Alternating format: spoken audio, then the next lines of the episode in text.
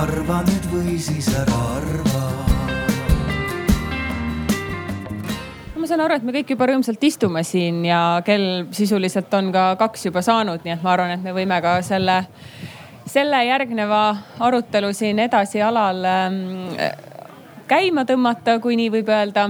Äh, tere, kes kuulama on tulnud, minu nimi on Mariann Võsumets me räägime täna sellisest teemast, et mida kujutab endast tööampsude tegemine, et kui, kui keegi on vähegi veel segaduses sellest, et mis see keikamajandus või platvormitöö on, siis äh, väga lihtsustatult öeldes räägime me sellest, millised on töötingimused Bolti ja Wolti, aga ka paljude teiste sõidujagamis- või kullerteenuste nii-öelda siis töötajatel või nende vahendusel töötavatel inimestel ja lihtsalt Eesti kontekstis me piirdume Bolti ja Wolti näidetega, sest need on võib-olla kõige nähtavamad ja kõige rohkem linnapildis ähm, kohal. ja mul on väga hea meel, et täna siin äh, paneelis või arutelul osalevad inimesed, kelle mm, tegemised sellega otseselt seotud on ja kelle otsused ja, ja töö mõjutavad seda, kuidasmoodi me siis edasi läheme sellest olukorrast, et kui kõige ääre poolt pihta hakata, siis äh, taksokoondise liige ja kindlasti võib öelda ka taksojuht, eks ole, Boriss Kolovenski. Äh,. sealt edasi on meil Henri Arras, kes on Bolti valitsussuhete juht. Tema kõrval on Kaire Holts, kes on TalTechi teadur ja uurinud siis äh, platvormitöö olemust ja väljavaateid. Ja minu kõrval on Tanel Kiik, töö- ja terviseminister tere ja suur rõõm teid siin kõiki näha. Ma tahaksin alustuseks küsida kohe Bolti esindajalt seda, et kui me mõtleme nende platvormide peale ja ma arvan, et kui Markus ja Martin Villig kunagi selle takso või sõidu jagamise teenuse lõid, nad lõid selle Rin, Riia linna kontekstis, see oli selline hea idee, mis leidis, ühesõnaga millest kasvas tänaseks välja Bolt, mis opereerib mitmekümnes riigis ja kellel on tohutult palju töötajaid.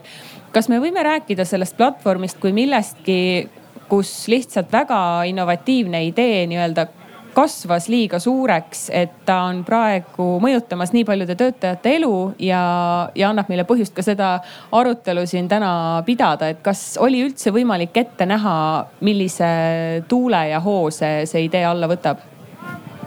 ja aitäh ma usun, et äh, Martin ja Markus nägid ette küll seda ja nägid ette võib-olla isegi palju rohkemat, et ega Bolt on täna ikkagi oma teekonna alguses äh, loodetavasti, et äh, jah, meil on hetkel, tegutseme siis neljakümne viies riigis, meil on seitsekümmend miljonit inimest kasutab meie teenuseid, aga me sihime miljardit selle koha pealt, et minna on veel palju ja nad nägid siis ette täpselt mida, et ma ei tea, kui palju, võib-olla väike ülevaade sellest strateegiast, et kas plaan oligi alustada niimoodi lokaalselt Riia linnast ja siis sisuliselt võtta ette kurss, et me nüüd võtame üle terve maailma?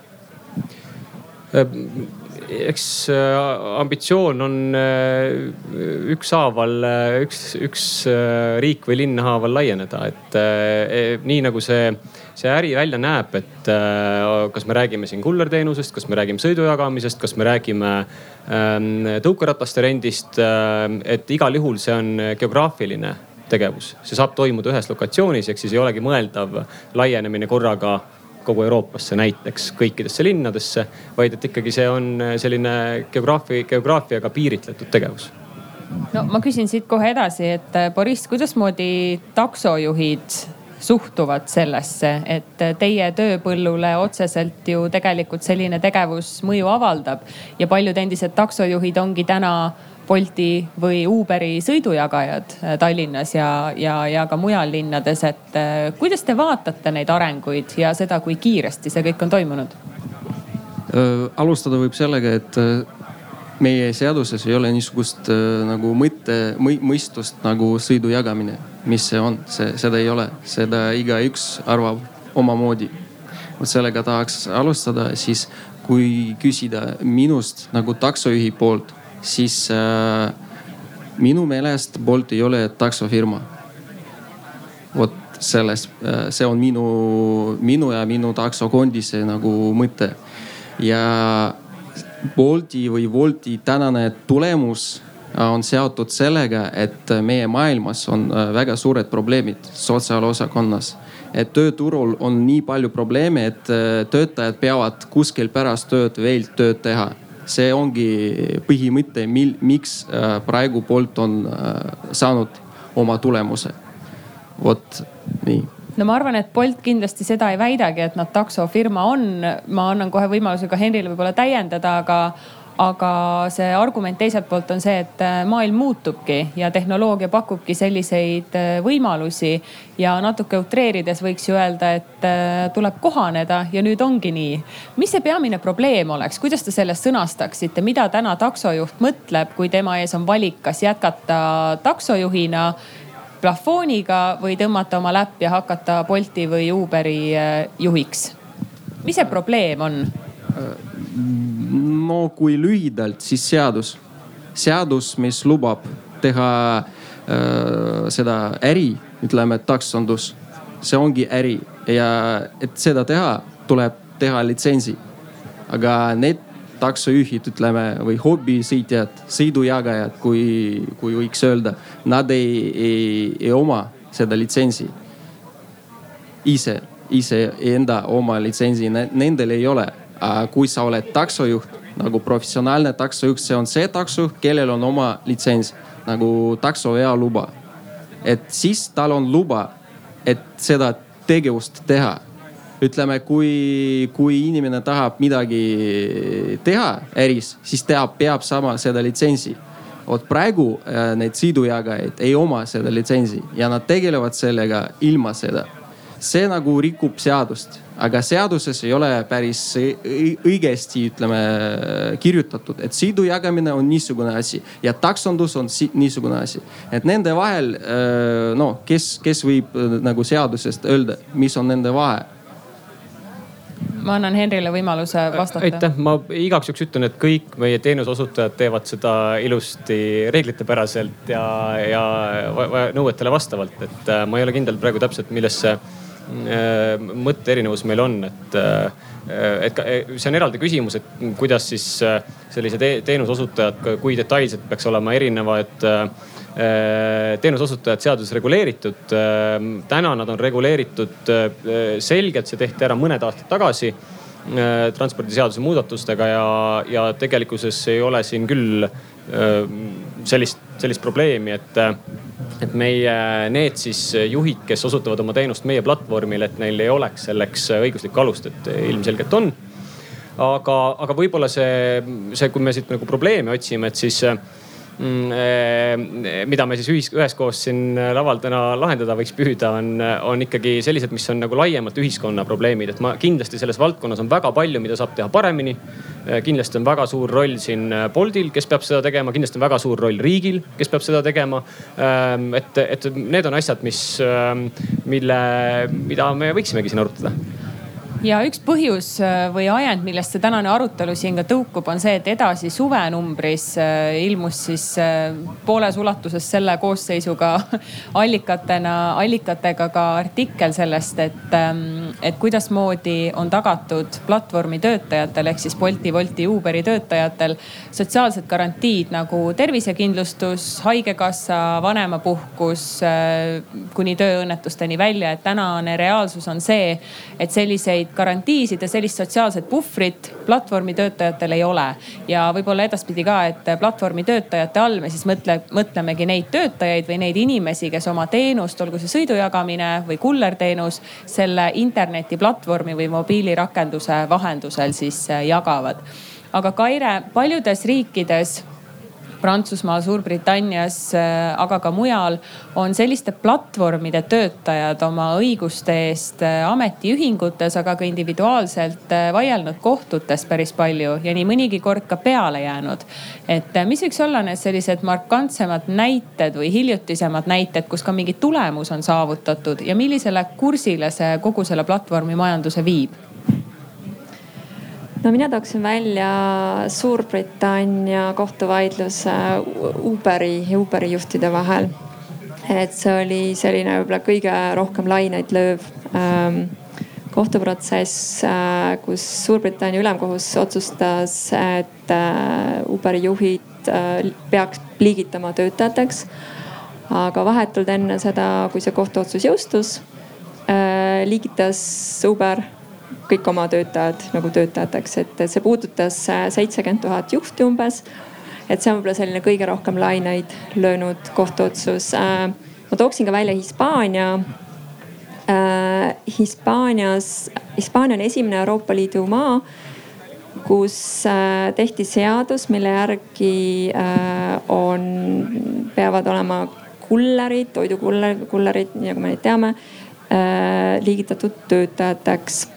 Ja see seadus peakski nüüd augusti keskel jõustuma äh, seesamas seaduses äh, pannakse ka paika, mida ja kuidas võib algoritme kasutada.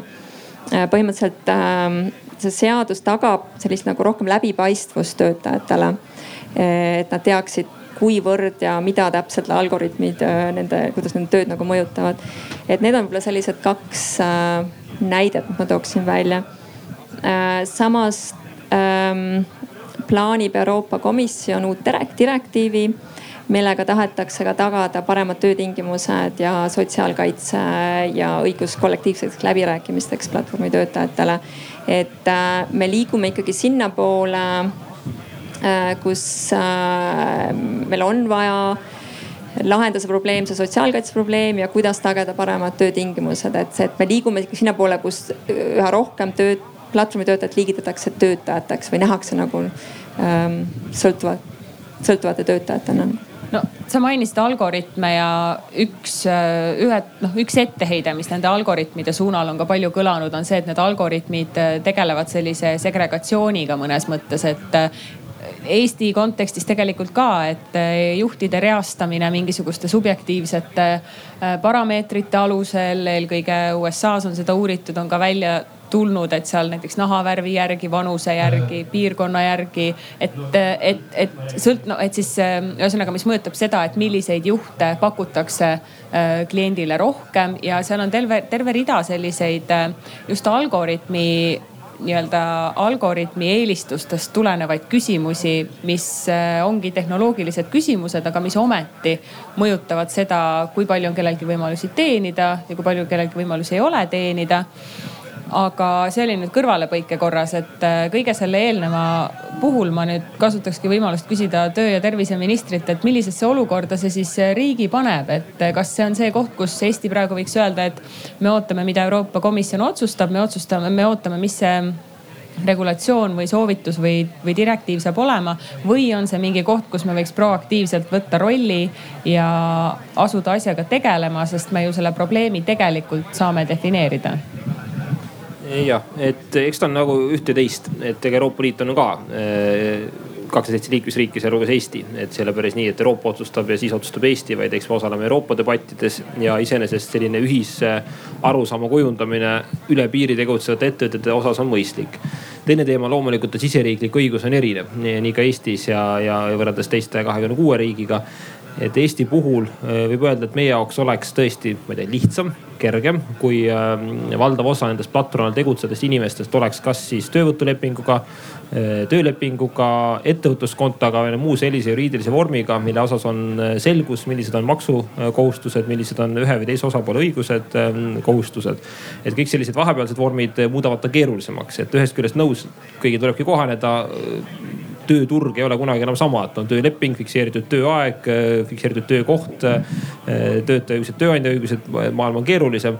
aga, aga keeru-, ütleme selle keerukuse juures on siiski oluline, et mingisugune õigusselgus on äh, riigi vaates olemas, on see Maksu- ja Tolliameti töö vaates, Tööinspektsiooni vaates, on see ka töötaja vaates või tegu inimese vaates, kes tahab oma siis teenust pakkuda sõltuvalt kliendile või, või, või konkreetsele ettevõttele nii et äh, ühest küljest ootame Euroopa debatti ja teisest küljest kindlasti iseriiklikult on oluline selline noh, ütleme siis platvormi ettevõtetega võib-olla suurema võib-olla vastastikuse üksmeele leidmine no kas see õigusselgus, mis täna valitseb, on see õigusselgus, et see töötaja sotsiaalsete garantiide mõttes ongi iseenda eest vastutav? Täna sõltubki sellest, mis vormis ta töötab siis või tegutseb, et ma saan aru, et Bolt ütleb, et need polegi töötajad tõenäoliselt või seda võite altpoolt kommenteerida, et, et küsimus ongi selles, et mis see, mis see suhe on ja lepinguline vorm on, et siin on mingid litsentsivormid, siis on, eks ole, ettevõtluskonto vormid. no kui töövõtuleping, siis on selge, et mis on ühe või teise osapoole küsimus, kui ma olen ise ettevõtja, on samuti selge, on ta OÜ, on ta ettevõtluskonto, muu taoline, et ja siis omakorda sellest ettevõtluskonto puhul sul on ka teatud sotsiaalsed garantiid laienevad nagu töövõtulepingugagi. OÜ puhul sõltub sellest, milliseid makse sa konkreetselt endale kui juhatuse liikmele või töötajale maksad. aga kui see mingi kolmas või neljas variant, mille puhul äh, riigil on raskem näppu peale panna, et äh, mis ta täpselt on, siis on tegelikult see vastutus hajunud ma annan kohe Kairele sõna, ma ütlen siia vahemärkusena veel seda või, või konteksti lisamiseks, et need kolm Uber, kolm Bolti ja Wolti töötajat, kellega mina konkreetselt selle edasi suvenumbri artikli jaoks intervjuud tegin, on kõik mitte-eestlased. ja see probleemi püstitus, et see praegu ei jääks liiga abstraktseks seisnes selles, et need konkreetsed inimesed ei olnud teinud endale ei ettevõtluskontot ega mingisugust taksolitsentsi, vaid nemad töötasid oma ettevõtte alt erinevatele äppidele, Woltile, Boltile, vahepeal Uberile, vahepeal kõigile korraga, vahepeal ainult ühele. ja nende probleem seisnes väga teravalt selles, et mis saab minuga siis, kui ma kukun selle ratta pealt ja murran jala ära, kes maksab minu haigekassa, kust ma hakkan pensionit saama ja nii edasi, kuni siis selleni, et üks Nigeeriast pärit naisterahvas, kes oli Bolti sõitnud mitmeid aastaid, ütles, et tema läkski kontoritööle, sest see tundub talle turvalisem. ja võibki päeva lõpuks öelda, et väga hea, kui sulle see tundub turvaline, siis minegi kontoritööle ja teegi seda. aga mis ei lahenda ju ometi seda küsimust, et kuidas me siit edasi läheme, arvestades seda, et platvormimajandus ja nagu äh, Henri Arras ka ütles, et plaan on ainult kasvada ja, ja, ja, ja kasvada. et siis on ju selge, et see on miski, millega me peame tegelema, aga see oli konteksti andmiseks, et ma annaks Kairele sõna ja siis Henrile ma lisaksin veel, et see, see töötajate staatus, et kas nad on töötajad või, või mitte, et see ei olegi nagu põhiprobleem ja see sotsiaalkaitse, sellepärast ikkagi uuringutest tuleb välja ikka ja jälle see, et väga paljud teevad selle mingi muu asja kõrvalt ja, ja mingi tihtipeale lepingulise töö kõrvalt, kust nad juba saavad sotsiaalkaitse. ja on ka platvorme, kus saab valida kas teha seda tööd võlaõigusliku lepingu alusel või iseendale tööandjana et see kõik, need probleemid ei koondu ainult sellele küsimusele, äh, kuidas tagada sotsiaalkaitse, sest paljudel see siiski on mingis vormis ikkagi olemas. et me peaks sealt edasi minema ja, ja, ja, ja vaatama ka teisi probleeme, et kui palju töötajatel on võimalus kaasa rääkida näiteks ja, ja mis töötingimused neil on et, ähm, et me ei tohiks ainult nagu jääda seisma sellele ühele küsimusele no kuidas töötingimused on äh, Boltis, ma tean, et ju ähm, ma ei julge praegu peast öelda, mis uuring see oli, aga platvormi sõidujagamisäppidest äh,, kas see oli mingisuguse Suurbritannia ülikooli uuring suve algusest, mis ütles, et Bolti töötingimused on kõige halvemad? Äh, peame siin natukene äh, selliseid erinevaid nagu kuulu, kuulujutte või kuuldusi kuidagi kuidagi selgeks rääkima, et siin hästi palju toimub, visatakse me, ka meie arutelus praegu erinevaid ähm, väiteid, numbreid õhku ja mis nad kuidagi jäävad selliseks nagu loovad mingisuguse pildi ja, ja tegelikkuses äh, nende kontekst võib olla absoluutselt vale. Äh, kui me räägime Bolti, äh, ma ei tea, töötingimustest, eks, et äh, või Bolti siis lepingu tingimustest, siis Leedus sel nädalal on toimunud juba kaks meeleavaldust ühe siis toidukulleri teenuse platvormi vastu just nimelt sellepärast, et platvorm kulleritele muudab tingimusi nii-öelda ühekülgselt ja kullerid ei ole rahul. see ei ole Bolt. ühtegi Bolti kullerit ei ole tänavatel ehk siis, et eh, seal on, eh, meil on, maailm on täis erinevaid platvorme, maailm on täis erinevaid algoritme ja ega platvorm või algoritm ei ole oma olemuselt hea ega halb, ta lihtsalt on, ta on mingil põhjusel selline ja, ja meie kõigi huvi peaks olema see, et, et esiteks need teenused, mis on siis kättesaadavad üle sellise digitaalse platvormi, et need teenused oleksid head. teenused oleksid head nii siis selle teenuse kasutajale see klient, kes selle teenuse tellib, kui siis loomulikult ka teenuse osutajale. Ähm, Eesti puhul äh, me, me teame seda, et äh, me näeme, et platvormi majanduses osalevatest inimestest esiteks neli koma neli protsenti on need, kelle jaoks on see ainult äh, nagu ainus sissetulekuallikas. kõigile teistele on, on, kõigil teistel on siis mingi muu sissetulekuallikas ka olemas. ja see juba näitab, et, et me ei tohi luua sellist ettekujutust, et, et muidu on nagu sellised äh, inimesed, kes, kelle, kellel täpselt nagu Kaire ütles, et puudub äh, sotsiaalne tervisekindlustus, ütleb tervisekindlustus näiteks. et tegelikult nad on õpilased, nad on üliõpilased, nad on pensionärid, nad teevad muidu täis, täiskohaga tööd on ju. siin on miljon põhjust, äh, mille ja äh, mille, miljon erinevat põhjust, nii palju kui on inimesi, on siis miks inimesed liiguvad või, või lähevad, kasutavad platvormi, et teenida lisa nagu paljud seda teevad. ja, ja vot see on see koht, kus me kogu selle nii-öelda regulatiivsesse maailma süvenedes või sukeldudes me kindlasti ei tohi tekitada seda olukorda, kus pesuveega visatakse laps välja. ehk siis, kus me tegelikult reguleerime selle valdkonna ära niimoodi, et äh, need inimesed, kes tahavad Eestis äh, ja mujal maailmas siis Eesti eeskujul loodetavasti äh, oma teenust, teenuseid osutada platvormidel, et siis nende see paindlikkus, nende see võimalus seda teha võetakse ära kas see tähendab seda, et kui, et, et te sooviksite, et teid noh, juriidiliselt ei ole võimalik klassifitseerida ju Bolti ega teisi platvorme niimoodi, et te pakute tööd ainult nendele segmentidele, keda te praegu kirjeldasite. et ikkagi see elevant ruumis on, on see nagu üleüldine selline, kuidas öelda mingisugune standardlepingu vorm või suhtevorm, mis iganes see ka ei oleks, et oleks olemas ka mingi lahendus nendele või mingisugune potentsiaalne arusaam sellest kuidas töötab seal inimene, kelle jaoks see võib-olla ongi ainuke töökoht, et need inimesed on reaalselt ka olemas kas Tanel Kiik vist soovis seda kommenteerida mõtlen, või on teine? ma mõtlesin äh, eh. nende sotsiaalsete garantiide poolt, aga vastata võib kes iganes. ma, ma tegelikult tahtsin sama eh, põhimõtteliselt välja tuua, et, et häda on selles, et eh, nagu kõigi nende ütleme siis platvormi äh, ettevõtete puhul äh, hästi nõus, ei ole head ja kurjad ja halvad ja, ja, ja umbes nii, et keelame ära, on, mure lahendatud. et pigem ongi küsimus, kuidas seda olukorda, kus me kõik saame aru, et nii-öelda one size doesn't fit all, et kuidas seda saavutada, et ta ikkagi äh, aitaks ka neid, keda Mariann siin välja tõi, ehk neid inimesi, kelle jaoks on põhitöökoht. ja kuidas ta riigi suhtes nii-öelda suhestub, ehk mis saab olema seesama nii-öelda ühe või teise osapoole vastutus, sealhulgas maksukoormus, kõik muu pool. et pole ka mõeldav, et, et see kõik sõltub siis sellest, kas inimesel noh, teoreetiliselt on mõeldav, et äh, sõltub sellest, kas tal on mingeid muid ähm, sissetulekuallikaid, muid sotsiaalmaksu, ravikindlustuse, pensionikindlustuse äh, kattekohti. et see on puhtalt see ravikindlustuse ja ütleme sotsiaalsete garantiide pool, teine on ka, mida Kaire viitas, kõik see, mis puudutab tööohutust, üleüldist vastutuse poolt ja seda jaotust, eks see teema, maailm on nagu laiem.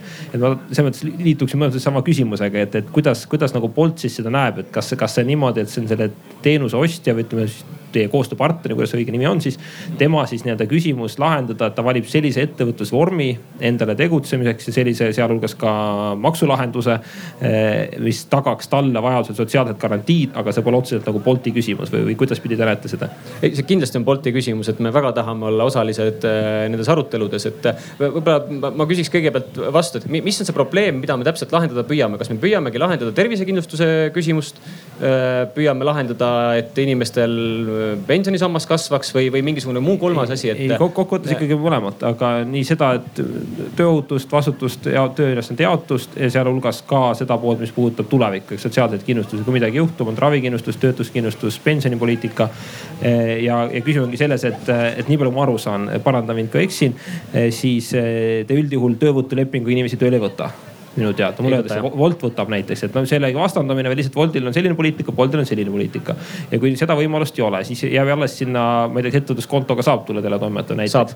et siis seal on teoreetiliselt on maksuküsimus tegelikult lahendatud, see pool on sellisel juhul korras, jääb lahtiseks küll see osa, mis puudutab äh, kogu seda nii-öelda töökeskkonna poolt. aga ma mõtlen, mis, mis see teie nii-öelda pakkumine on, kui teil tuleb pilti, kuidas inimene kandideerib või, või, või ka printsiibis, kui te näete seda laienemise poolt, et, et, et kas, kas see saab olema selle inimese tasand ja tema nii-öelda mure lahendada või või te, või te juba sellest lähtuvalt, mis on tema sotsiaalne staatus, pakute talle sellise paketi, mis ühest küljest rahuldaks nende riigi nägemust sellest, inimese enda vajadusi ja sobiks ka teie ärimudeliga. Ma usun, et me ikka otsime seda kolmandat, mida sa just kirjeldasid, kus kõik kolm äh, osapoolt on, äh, on kaetud, aga, aga siin äh, võtame ettevõtluskonto näite. täna ei ole ettevõtluskonto puhul, mis muidu on väga hea mõte Eesti jaoks, kindlasti edulugu või vähemalt selle algus. ei ole võimalik siis inimesel kanda maha tervisekindlustuse kulusid et sa võid võtta endale juurde tervisekindlustuse, aga seda ei saa kuludena sealt maha kanda. ehk siis näiteks see on asi, mida me võiksime täitsa arutada, et kas see oleks põhjendatud või mitte tulev, tulevikus teha selline seadusemuudatus. igaks selgitada kõigile, et sa maksad jah, põhimõtteliselt tulumaksu kogu selle nende kasumit, mis teenid, et erinevus OÜ-de muudega on see, et seal tekivad sul momendid, kus sa mingid asjad, sul kulud, mitte ainult tervisevaldkond, et OÜ puhul on mis tahes muud tööga seotud kulud, tegevusega seotud kulud, ettevõttega seotud. Praegu ettevõtluskonto on nagu lihtsustatud mudel ja see on see loogika olnud, et, et kõik, mis sinna sisse tuleb, läheb maksustatud ja ülejäänud ja sellega ta tagab omale teatud nii-öelda sotsiaalsed garantiid eh, võrreldes siis võib-olla nii-öelda tavalise OÜ-ga, kus sa pead eraldi maksma kas palga välja, juhatuse liikme tasu, muu taolise. sest dividendi tulumaks ei anna sulle ühtegi, ei anna sulle ravikindlustust, ei anna pensionikindlustust, ei anna töötuskindlustust aga, aga laiemat pilti jällegi öeldes, et kui meil ongi inimene, kes jääb töötuks on ju, hakkab tegema äh, selle, selle, kuna tal on olemas ju kulud, tal on olemas, ma ei tea, pangalaen, autoliising, suuttoitaine, miljon põhjust Äh, ja selleks, et siis ähm, sedasama nii-öelda sissetuleku taset hoida, hakkab ta töötama platvormile või teenust ostama platvormil, et saada lisasissetulekut äh, ja siis katta neid kulusid kuni uue töökoha leidmiseni. nüüd, kas see, kas selle, selleks tuleb siis seda inimest, kuna tal on paindlikkus, ta soovib lõpetada päevapealt selle ära kohe, kui ta leiab uue, uue koha on ju. et kas siis selleks tuleb teda siduda lepinguga, mis kohustab teda osutama seda teenust nelikümmend tundi nädalas, mingisugused muud äh, kriteeriumid. et, et see ongi see, et me ei tohi kaotada seda paindlikkuse poolt või on ükskõik kuida-, kui, kuidas me siis tahame, mis me paneme nagu selle kaalukeele, ühele kaalukeelele, siis teisel pool me peame alati arvesse võtma selle paindlikkuse poole, et kui palju me sellest ohverdame, kas see on põhjendatud ja miks. ehk siis see on alati, kumbki pool siit kaotab. See paindlikkuse pool ettevõtte poolelt kõlab väga mõistlikult ja arusaadavalt ja mõistetavalt, kui ma oleksin ise ka Bolti juhtkonna laua taga, ma räägiksin ka paindlikkusest no,. See, mis... see on juhtide, juhtidelt ja kulleritelt tuleb see, see on kõige tähtsam, suurem isegi kui sissetulek on nende jaoks just nimelt paindlikkus. see teine pool, millega oponeeritakse sellele paindlikkusele, on see, et, ähm, et kui nii-öelda tipptunnid Bolti ja, ja, ja Uberi jaoks ja, ja, ja Wolti jaoks ka on äh, hommik ja siis pärast tööd ja õhtul hiljem. et äh, see kriitika, mis on äh, paljude, ma ei tea, teenuse osutajate või töötajate poolelt tulnud, on see, et ülejäänud päeva ma passin tühja ja selle eest raha ei saa, aga ma olen siiski Boltile saadaval. et äh, see on, see on see mündi teine pool, et ühest küljest on paindlikkus, et ta saab valida, et ma ühel päeval käin koolis, siis käin ülikoolis, siis käin muul tööl ja siis sõidan Bolti. aga samas päeva lõikes on tal väga palju tühja istumist, kus ta raha ei teeni ja see on selle paindlikkuse mitte nii paindlik pool. no tal ongi ikkagi see valik, mitte teha. see valik on olemas, keegi seda valikut ära ei võta. Võib öelda jah ja palun. et äh, me räägime siin sellest, et maailm muutub jah, ja kõik asjad lähevad keerulisemaks, et tehnoloogiad lähevad keerulisemaks, et äh, nad kõik muutuvad. aga me ei räägi kõigepealt sellest, et kelle jaoks nad töötavad, kelle huvides nad töötavad, et poolt töötab oma huvides, mitte töötajate huvides. ja sellepärast meil on ilmuvad need küsimused, miks ma lihtsalt ootan seda tellimust, miks mulle selle eest ei maksta. et äh, miks äh, Bolt ütleb, et see on hea, kui inimene võib ise valida, kas ta teeb endale oma kindlustust või pensionimakset või ta ei tee seda.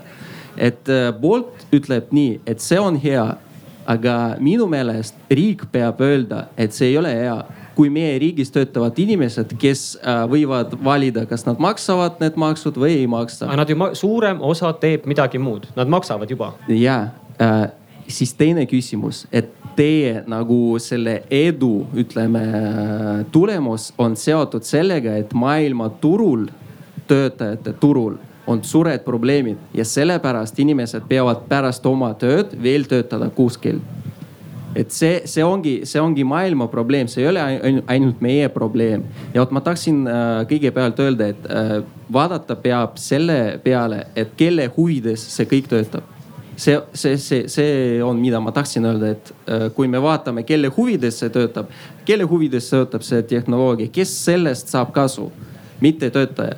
ta saab midagi, aga mitte päris nagu see, mida ta sa, äh, peab saama, ütleme nii vot, vot äh, pärast, sellepärastki tulevad need teised probleemid, aga. hea küll, huvidest rääkides on ikkagi kõige suurem kontingent on just nimelt need inimesed kasut-, kes kasutavad teenust. Bolti on üks, juhte on arv X ja just nimelt neid lõpp, lõplikuid teenuse kasutajaid, neid on ju arvuliselt kõige rohkem. Nende inimeste jaoks on läinud paremaks teenuse kättesaadavus Äh, nende inimeste jaoks on läinud turvalisemaks teenus. Äh, siin on terve rida, rida asju, kuidas see tehnoloogia on muutnud seda, seda kogu seda sektorit paremaks. nii, kuidas ma võin vaadata, kes, kas see nagu toidukuller äh, või ütleme, sõidujagaja, kes mind sõidutab, palju tunnid ta on maganud, kas see on tema kolmas või neljas töö kuidas ma sellega olen nagu. täitsa nõus ja sama probleem on meil politseinike, päästjate, kiirabitöötajatega. täiesti nõus, et me võime nende üle, nende asjade üle diskuteerida, aga see ei ole kuidagi ühe sektori kitsas asi, see meil ühiskonnas on öeldud, et inimestel on vaba voli töötada. kui me tahame seda piirata, siis, siis see on hoopis teine arutelu koht äh, oli juba üks projekt, kus me võtsime osa seal äh,, kui me küsime selle kohta, et miks keegi nagu ei saa seda infot äh, kliendidele öelda, palju see taksojuht, ütleme sõidujagaja on töötanud ja siis äh, ma ei mäleta, kes seda ütles, aga äh, temaga oli nõus ka teine, seal ei olnud Bolti, seal oli võib-olla Wolt, võib-olla teine, aga ta ütles nii, et äh, meil on oma konfidentsiaalne informatsioon ja me ei saa sellega ja, äh, seda jagada. siis tuleb välja, et äh, ma ei ole kindlustatud kui klient sellepärast, et lihtsalt keegi ei taha teistega nagu jagada seda infot.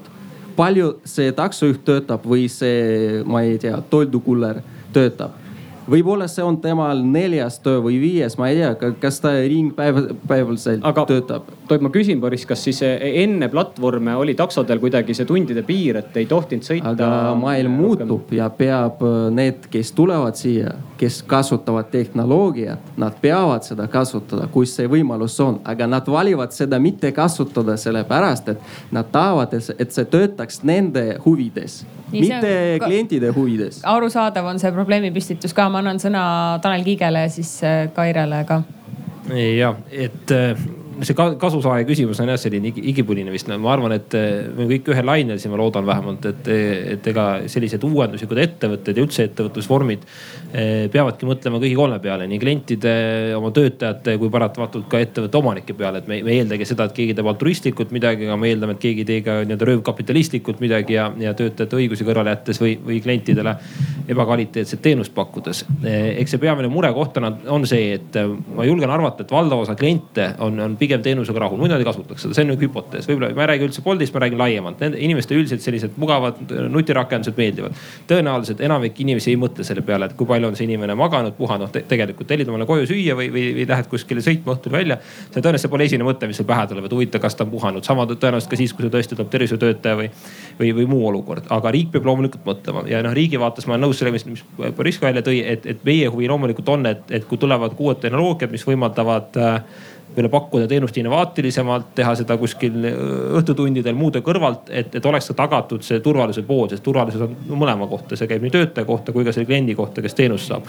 ja, ja selles vaates ma korra küsin, rohkem jälle küsimus, aga ka ettepanek, et kas nii Boltile kui laiemalt platvormiettevõtetele, kas see eh, arutelu, mis ka praegu käib Euroopa tasandil, et oleks õigus eh, nendel platvormi osalistel nii-öelda kollektiivselt koonduda. on ta siis kollektiivlepingutega, on ta siis mingite noh, ma ei tea, ametiühingute vormi, et just nimelt läbi rääkida neid töötingimusi. nii võib-olla siis töövõtlusvorme, suhtevorme kui ka samu töö ja puhkeaja küsimusi, turvanõudeid, info läbipaistvust.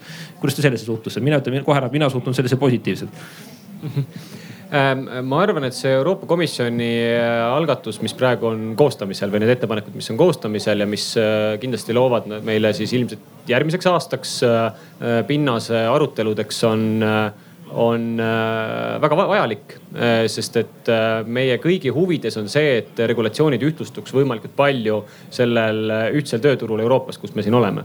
Ähm, ja ühtses majandusruumis tervikuna nüüd eh, me oleme Bolti ja tegelikult me oleme siin püüdnud kaasata nagu sektorit laiemalt, eh, panemas kokku siis oma ettepanekuid eh, Euroopa Komisjonile. et see protsess meil on käimas ja, ja kindlasti on, on see põhimõtteliselt õige, et peab olema siis ettevõte ja nende teenust osutavate inimeste vahel peab olema partnerlus. partnerlus ei ole ühekülgne, see peab, peab olema see, mis tähendab, et, et on mõlemal poolel on Äh, on oma sõna öelda sekka siis nendes asjades, mis nende jaoks on oluline, onju. ehk siis ja kuidas nüüd me nüüd neid ähm, võimalusi saame parandada, seda me ise analüüsimegi seesmiselt, need töörühmad on meil käimas koos. et ma arvan, et meil on sellel teemal väga palju tulevikus siin rääkida ja leida see lahendus sest no mulle lihtsalt tundub, et eh, tegelikult paljuski see debatt, mis me siin peame, on ju see debatt, mis võiks ideaalis käia, vähemalt ka minu sellise sotsiaalse partnerluse loogika järgi just nimelt nende, on ta siis töötajad, on ta koostööpartnerid, eks ja, ja omakorda siis ettevõtte vahel, nii nagu ta väga paljudes riikides noh, ütleme üldiselt tööturul äh, toimubki ja noh, toome oma näite, ma olen tervise- ja tööminister. tervisevaldkonnas näiteks on väga suureks tavaks kollektiivläbirääkimised, kus lepitakse kokku nii ületunnitasud, äh, töökoormuse küsimused, miinimumtasu küsimused, väga palju muid tingimusi ja see on nihuke koht, kus minister sekkub siis, kui tekib probleeme, aga, aga hea on, kui neid ei teki. ja see sisend ja selline võib-olla ettepanekud ja detailne arutelu toimubki seal sektori sees ja see on, ma arvan, väga positiivne. Kaire?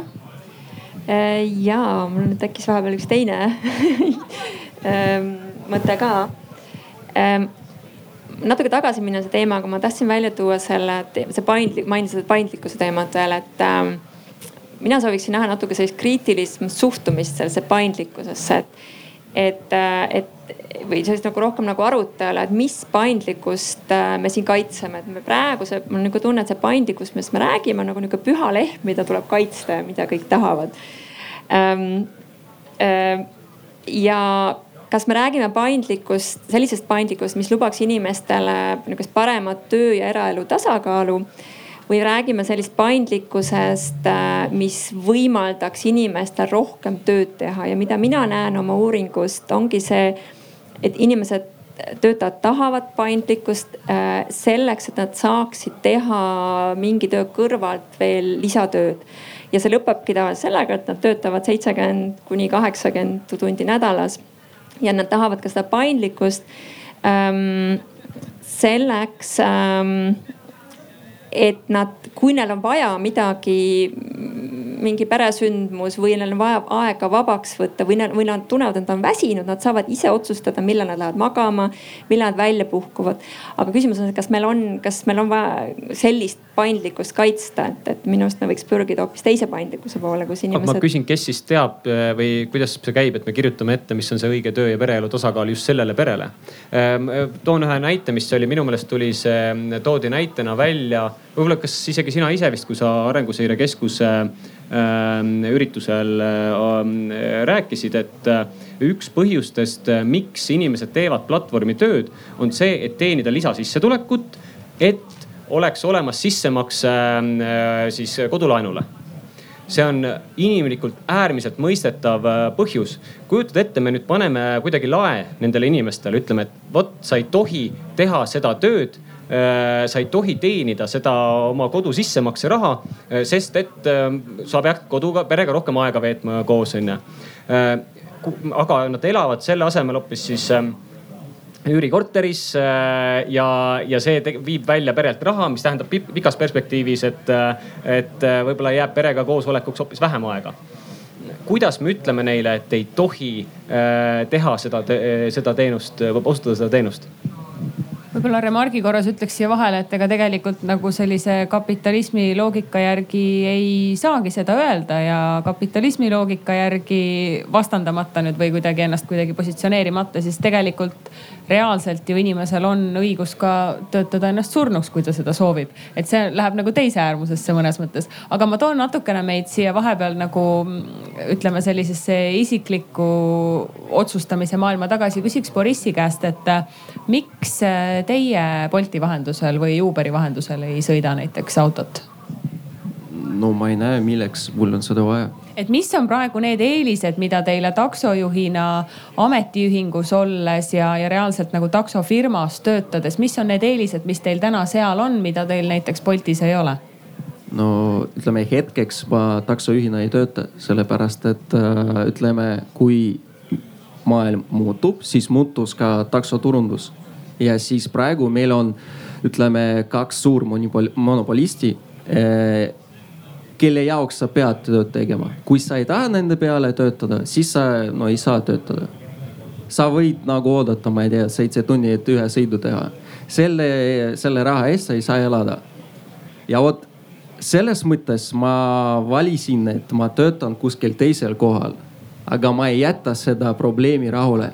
et ma hakkan sellega tegelema nii nagu ma oskan, ütleme nii et äh, praegu ma olen siin ka tänu teile, Kairele, et ma saan siin midagi öelda lihtsalt, et keegi võib-olla seda kuulab. aga see on tõeline probleem, mida te ennem ütlesite, et selle kapitalismi kohta ütleme nii et meil on suur probleem selles mõttes, et vot praegu Henri ütles, et no me ei saa nendele äh, nagu öelda ei, kui nad tahavad töötada uh,. miks ei saa? ma küsingi kui, kui moraalselt ma... meie siit lavalt, kas meie peaksime ütlema inimestele, et sina ei tohi nii palju tööd teha?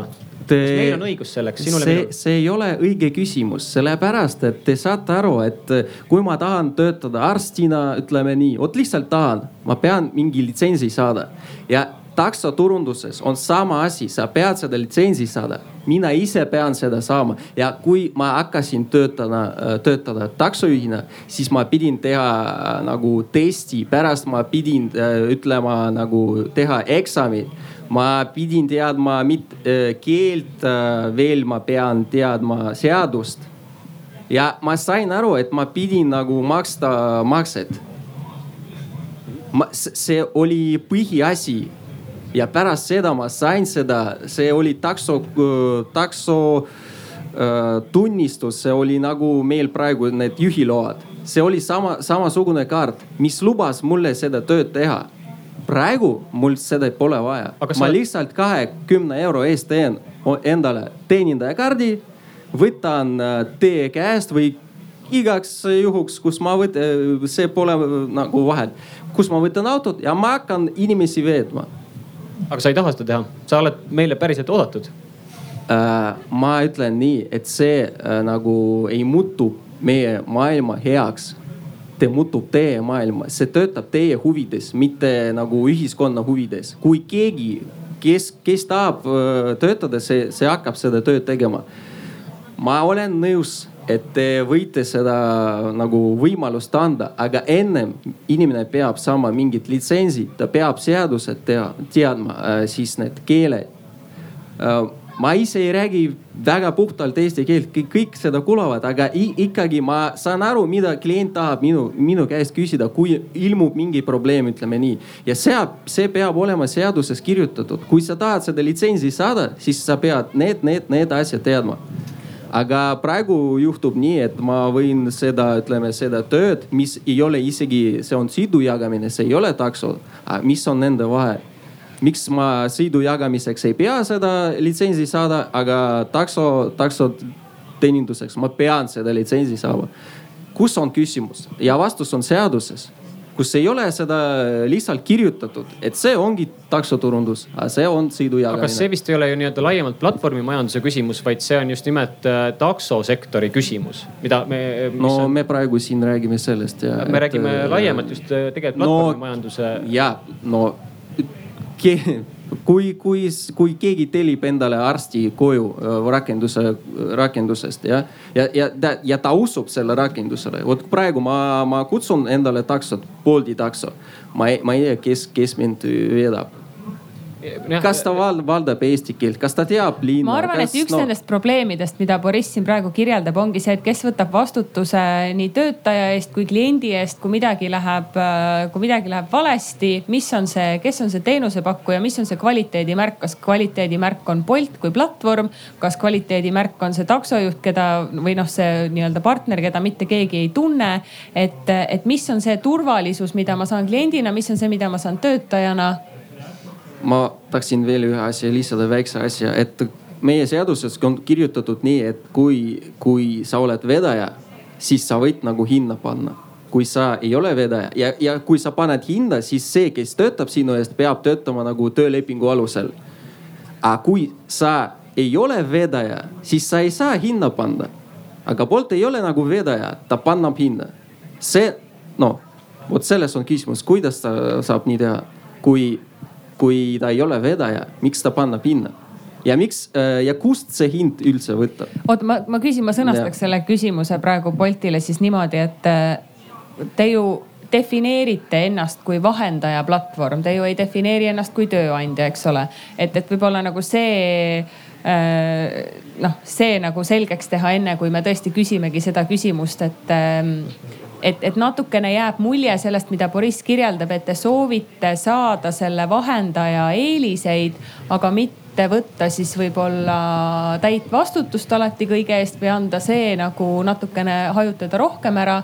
ja hinnastamispoliitika osas samamoodi, et kui seaduses tõesti, mina selle seadusega tuttav ei ole, aga kui see seaduses tõesti nii kirjas on, et vedaja määrab hinna, siis kus kohas see vahendaja siin vahendajana tegutseb, kui ta siis ju ei tegutse ei ole ka Bolti kontoris sellist äh, ühte inimest, kes vajutab nuppu, et nüüd hind äh, peab olema see või teine, et see on seesama, see neutraalne algoritm, kes äh, turuplatsil ütleb, et nii palju on nõudlust, nii palju on pakkumist.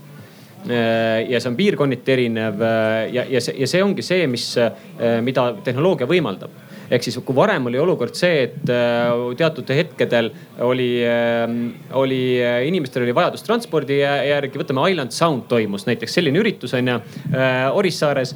praegu, kuna oli teada, et see üritus tuleb oli, tähendas see seda, et sinna sõitsid kohale juhid teenust osutama ja sellest hoolimata oli nõudlus Orissaares kõikidest kohtadest maailmas. Orissaares oli nii kõrge, et see andis äh, keskmise tunni sissetuleku üle neljakümne euro siis äh, juhtidele. et, et see, see on selline paindlik võimalus teenida on võimalik ainult tänu just nimelt nendele algoritmidele. ja kuidas, ma küsin vastu, kuidas muidu Orissaares oleks inimestel olnud võimalik äh, sellist teenistust saada? väga õige küsimus, selles mõttes väga raske on ka Paidesse saada ühistranspordiga Tallinnast, sest et viimane buss läheb siit ära kell viis, aga see on võib-olla natuke teine teema, peaks võib-olla Bolti panema Tallinna ja Paide vahet sõitma Arvamusfestivali raames. aga üks asi, mida Boriss veel välja tõi, mida ma sooviks Tanel Kiige käest küsida, on see, on see laiem nagu võib-olla isegi natuke filosoofiline kontekst, et kui äh, selliste platvormide ja tehnoloogiliste lahenduste tulek äh, soodustab seda, et sul on kogu aeg kiusatus tööd teha. sa lõpetad oma tööpäeva ära kell seitse, sul on kiusatus minna Bolti sõitma, sest tasud on praegu head sul on see vabadus seda teha, sul on see võimalus seda teha, see sissetulek justkui ka toetab seda. ja kas siis ongi mina ise, kes ma soovin raha juurde teenida, pean ühel hetkel ära tajuma, et okei okay,, nüüd ma pean puhkama, nüüd ma kodust välja ei lähe. Või siis ma ikkagi lähen ja teenin seda raha, sest mul on see võimalus, et kuidasmoodi me nagu sellisest heaolu vaatest, noh, ma ei üldse ei arva, et riik siin peaks tulema midagi otsustama, ütlema, mitu tundi nädalas sa tohid või ei tohi töötada platvormidega kombineeritult. aga kus suunas me liigume, kui töötamine on igal sammul soodustatud ja arenevad platvormid ja juurde tulevad platvormid seda ainult nagu tagant lükkavad? ja no sa ütlesid õigesti, filosoofilisem küsimus kui, kui konkreetne, aga eh, oleme ausad, ega inimeste jaoks elus pole ainuke motivaator raha teenimine. noh, kui ta seda oleks, siis ju me kõik töötaksime hommikust õhtuni, noh, ma enda kohta ei saa öelda, et ma seda ei tee, aga, aga, aga selles mõttes, et äh, et kindlasti inimestel, noortel sealhulgas on, on palju muid eesmärke, on ta siis töö ja pereelu ühitamine, on ta eneseteostamised, muud küsimused. et seda esiteks, teine pool on kindlasti see, et mis on üldine palgatase mis tahes sektoris. ehk et taas tuues oma valdkonna näiteid, on ta tervishoid, sotsiaalhoolekanne, siis paratamatult see palgatase on tihti see, mis motiveerib võtma lisatööd. ehk et kui sa oled näiteks arst või, või sa oled seal tipus, siis sa teed seda lisatööd võib-olla seetõttu, et sul haiglajuht väga palub. aga kui sa oled õde või hooldaja, sa teed seda lisatööd sellepärast, et pangalaenu maksta. ja sa lähedki mitme koha peale tööle, hoolimata sellest, et see on kõik nii-öelda vana kooli platvorm, see pole uus platvorm. ja eks see samamoodi on, ma kujutan ette paljude inimeste jaoks, kes platvormi tööd teevad, et, et ta võib-olla on ka lihtsalt huvi, aga küllap paljuski on, on see nii-öelda rahaline reaalne vajadus. ja, ja nõus sellega, et me ei saa selle vajaduse puhul inimest keelata üldjuhul, rõhutan üldjuhul, sest ma arvan sada protsenti öelda lihtsalt, et sada, ta ise vastutab lõpuni, ma sellega ka nõus ei taha olla, et noh, sama näide, et kui ma olen näiteks juba tõesti kahekümne nelja tunnise vahetuse teinud, et kas siis on okei okay,, et ma lähen, on ta Bolti või Wolti või mis tahes kaamärgi all toimetan veel kakskümmend neli tundi ja, ja. või politseitöötaja mis tahes jah, aga see, ka seal on tegelikult ju on ikkagi vahetustel ongi piirid ja vahepeal tuleb puhata. kui seal ka tihti nad kombineerivad mitme teenuseosutaja juures ennast ja, ja lõpuks on, on keeruline aru saada, et kaua siis inimene tööl on olnud, kui ta, kui ta töötab mitmes eh, kohas korraga. nii et noh, ta on nagu hajutatud vastutus, mis mõnes mõttes on halb ja teises mõttes on paratamatus, et, et sellist lauskontrolli inimese töö ja elu ja puhkeaja üle ju kellelgi ei ole ja, ja ilmselt ka ei küsi ka, ka tööandja alati või antud juhul siis platvormi omaja, et mis tal täpselt, mitu last tal kodus on, kes teda veel ootab seal, millal, kaua ta magas, kas ta õhtul tegi mingi peo või on ta värskelt tulnud tööle ja nii edasi, et, et sellise päris ütleme, ei saa tepsit välja tõmmata, öelda, et see on ainult töötaja mure, aga, aga ei saa seda üleli lükata ka tööandjale, et eks ta selline ühiskonna küpsuse küsimus on ka, et inimene peab ise tunnetama, millal ta läheb sinna rooli, mitte ja loomulikult peab platvormi pidaja ka seda hindama, et kui ta näeb, et on reaalne oht, on tal mingid kaebused tulemas, on ta, on ta mis tahes noh, sellist heas mõttes nagu kontrolli oma kaubamärgi all toimetavate inimeste üle tegema, et, et aru saada, mis teenust pakutakse, mis kvaliteediga pakutakse, kas see töötaja, kas see klient ise on nii-öelda turvaliselt hoitud kui kellelgi on vahepeal mõtteid või küsimusi, siis jagage meiega julgelt, andke käega märku. Janek toob siis ka mikrofoni ja see hetkel jah, üks küsimus on. ja ma lihtsalt ütlen praegu seda publikut vaadates niimoodi väga subjektiivselt silma järgi, mulle tundub, et meil on pigem tegemist selliste plat-, no kunagi muidugi ei tea, aga näiteks minu enda jaoks seda teemat mingil hetkel uurima hakates oli väga huvitav, sest tõepoolest sinna Bolti taksosse istudes ma kunagi ei mõtle selle peale, kas see inimene on puhanud, kas ta on, ma ei tea, on tal tal load ilmselt on, kui hea sõitja ta on, et mul ei noh, ma ei olnud tegelikult nagu seda äh, ust oma peas lahti kunagi varem teinud, et väga huvitav on ka, on selle peale mõelda, seda enam, et me linnapildis järjest rohkem neid inimesi näeme, kes platvormide jaoks töötavad, aga, aga ma kuulaks ka ühte mõtet äh, publikust mul on äh, kaks asja, üks asi on see, et iganädalane töö ja puhkeaeg on ju töö, on ju seaduses kirjas. et kui seda ületada lihtsalt kui inimene seda ületab, siis ta rikub tegelikult seadust. kui tööandja lubab tal töötada rohkem, siis äh, tööandja või käsib tal töötada või mis iganes, siis ta teeb liiga palju ületunde. kui inimene teeb liiga palju ületunde, siis, äh, siis tegelikult peaks ju tööandja kontrollima, kui palju tema teises töökohas on juba töötanud.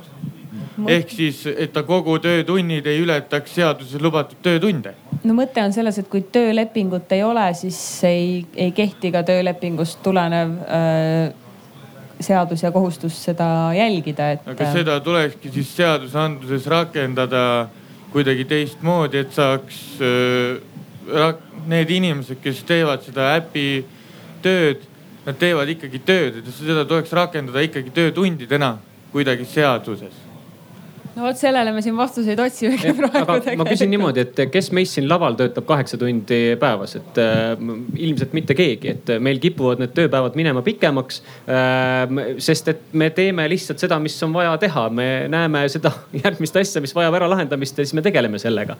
et äh, ja ma ei ole kindel, kas see on koht, kus äh, kus ka piirata või võtame need kaheksakümmend protsenti Eesti väikeettevõtetest või Eesti ettevõtetest, kes on nii-öelda ühe mehe bändid äh, keegi ju ei mõõda seda ettevõtja pingutust, keegi ei pane stopperit käima, et kui palju sa oled oma ettevõtte jaoks ähm, äh, see nädal vaeva näinud.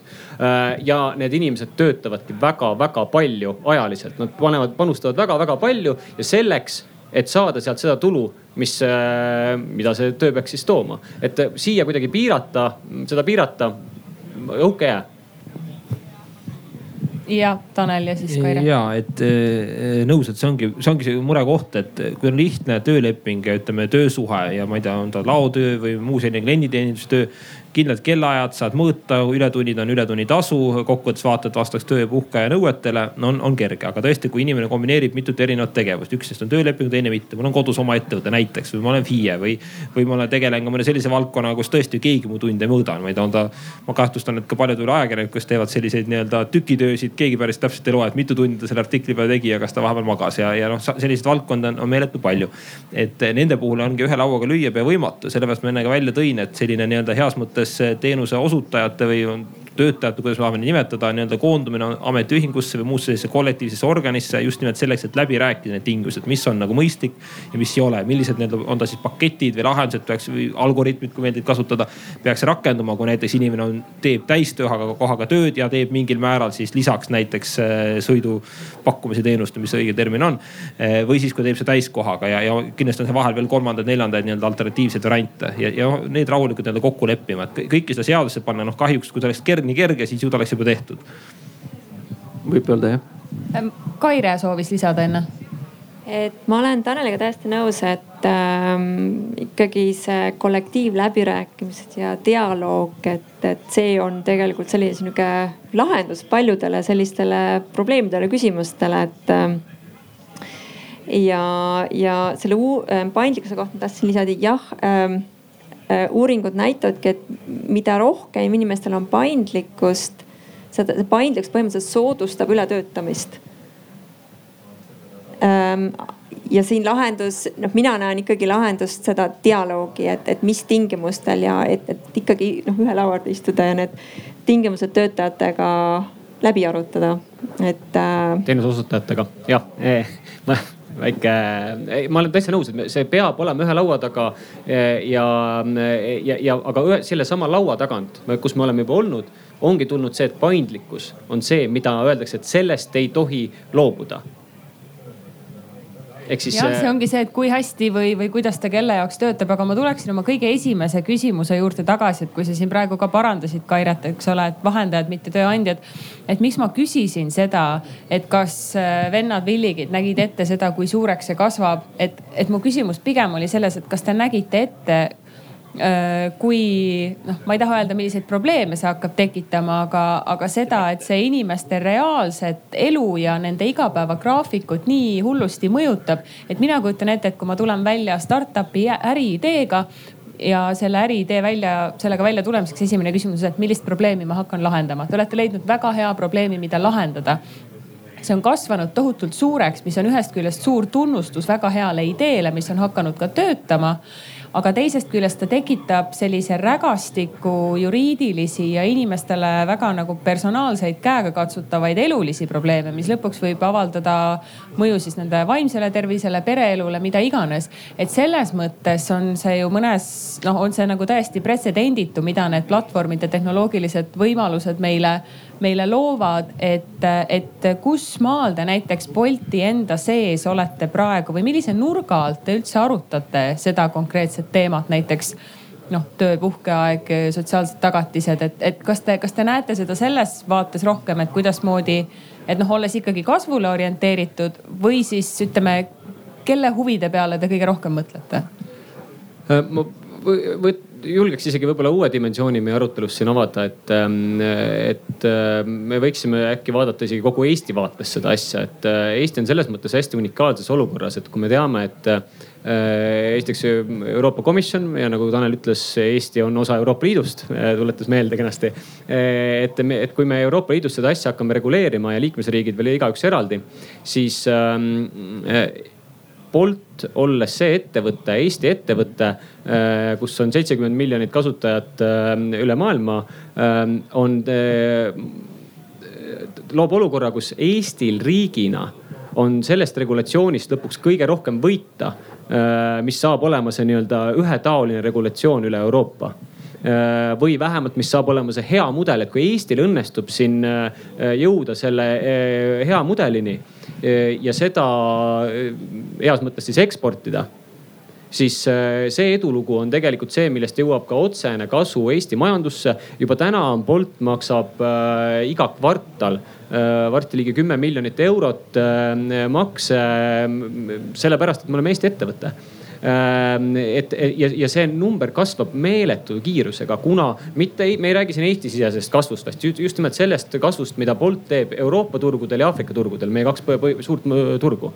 et, et ehk siis, kui Eesti jõuab siin hea mudelini siis selle, siis äh, eksport Euroopas on tegelikult see, mis on Eesti jaoks ka suur võimalus mitmes mõttes. ja tegutsete te praegu selle hea mudelini jõudmise nimel?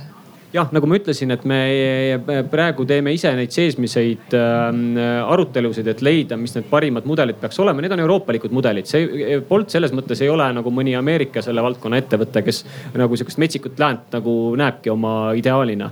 et äh, Bolt on äh,, on äh, euroopalike väärtuste kandja ja me väga selgelt identifitseerime ennast Euroopa tehnoloogiaettevõttena. samamoodi näeb ka Euroopa Liit meid Euroopa ühe suurema, kiiremini kasvava tehnoloogia ettevõttena. Ja, ja see ongi need, võimalused, mida me võiksime Eesti jaoks tegelikult rakendada. ma arvan, et siin on Boltil äh, ka riigiga väga palju head koostööd võimalik teha räägime vahelduseks natukene lobitööst ka, et äh, Kaire, sa oled äh, ka selles loos ja meie eelmises intervjuus selle välja toonud, et äh, platvormidel on õigustatud huvid, eks ole, ja, ja mitte ainult platvormidel ja Brüsselis lobi tegemine ei ole mitte midagi keelatud, see on osa äri tegemisest. kui mis, mis seal nagu toimub ja, ja, ja kui efektiivne see on versus see, et noh, sa tõid mündi teise küljena välja, et Eestis nii-öelda platvormi töötajatel äri või neid ametiühinguid ei ole et, et see justkui nagu tekitab jälle sellise võimu vahekordades sellise nagu ebakõla, et äh, kui palju siis lobitööd tehakse? jah ähm, Euroopa Komisjon äh, on hakanud aastast kaks tuhat neliteist registreerima ja nagu statistikat tegema lobi, lobitöödest. selline huvitav leht nagu EU Transparency ja, ja sealt EU Transparency lehelt oli, on väga huvitav vaadata, et nendest platvormidest, kes Eestis nagu tegutsevad keda me siin teame eh,, teeb lobitööd, kõige rohkem lobitööd Uber eh,. sellele järgnevad Bolt ja Wolt eh,. et ükski teine Eestis teada-tuntud platvorm ei ole seal lobitöö tegijana registreeritud. ja mis on huvitav, noh Uberil äh, on need summad hoopis teised, et Uber näiteks investeerib äh, umbes kaheksasada tuhat eurot iga aasta lobitöösse. Neil on terve meeskond inimesi, kes seda lobitööd seal teeb.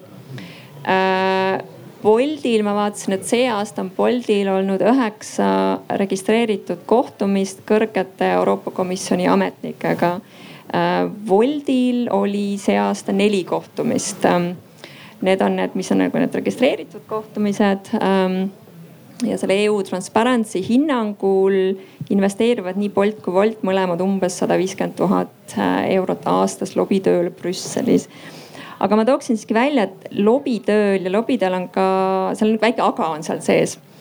kuna ähm,, tooksin välja ühe näite, täpselt seesama ähm, Äh, arutelu Euroopa Komisjonis, äh, et kas peaks kollektiivsete läbirääkimiste õigust ka laiendama enesehõivatutele ehk, ehk nendele iseendale ähm, tööandjatele.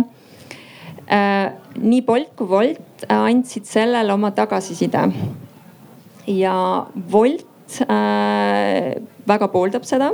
Nemad pooldavad seda, kui nendel kullaritel oleks õigus äh, teha kollektiivseid läbirääkimisi, nad leiavad, et see on äh,, äh läheb kokku Euroopa sotsiaalsete väärtustega äh,. samas Bolt, Bolti tagasiside oli täpselt vast, vastandus sellele. Bolt äh, äh, kirjutas, et nemad seda ei poolda nemad ei poolda kollektiivseid, kui neile antakse õigus teha kollektiivseid läbirääkimisi. Äh, nende hinnangul kahjustatakse nii platvorme, nii teenuste kasutajaid kui juhte ja üle, üle üldse üldiselt seda platvormitöö nagu mudelit. et, et seda peab ka nagu vaatama, et mis, mis lobitööd seal keegi teeb. kahjustaks, kahjustaks see siis või? Ma arvan, et siin on äh, hea näide, kuidas on, kui oluline on siis nende riikide või nende ettevõtete siis riiklik, riiklik päritolu, kust need ettevõtted tulevad, et äh, Wolt tuleb, Wolt tuleb Soomest, kus on selline äh, ametiühingu kultuur on vähe teine Eestis me teame, ametiühingutesse kuulub seitse protsenti töötajaskonnast, see number ei tõuse mitte kuhugi. meil on ametiühingutega võib-olla teistsugused mälestused ja ajalugu siin riigis. Ja, ja see on ka olukord, kus ametiühingud sageli kipuvad esindama sellist nagu kitsa kliki huve. ehk siis, kui me räägimegi lobitööst, siis ametiühingud ongi ju lobiorganisatsioon ise oma olemuselt. ja, ja nad ja, ja kui, kui juhtub see asi, et me räägime nüüd äh, platvormi, platvormi teenuse osutajatest, kes siis Äh, kellest suur osa, äh, valdav osa on need, kes teevad seda nii-öelda osaliselt millegi kõrvalt äh, nii edasi. Ja siis sul on ja, ja nüüd te, küsimus on selles, et, et kui see esindusorganisatsioon siis kasutades paremat terminit võib-olla esindusorganisatsioon on, on hästi ühedimensiooniline siis võib juhtuda olukord, kus teistelt võetakse, ohverdatakse nii-öelda mitte meielaadsete teenuseosutajate huvid Äh, enda huvide, huvides. ja vot see on olukord, mida me, mis ei tohiks olla jälle ilmselt kõigi huvi, kõigi meie nagu siis äh, ühiskonna huvides.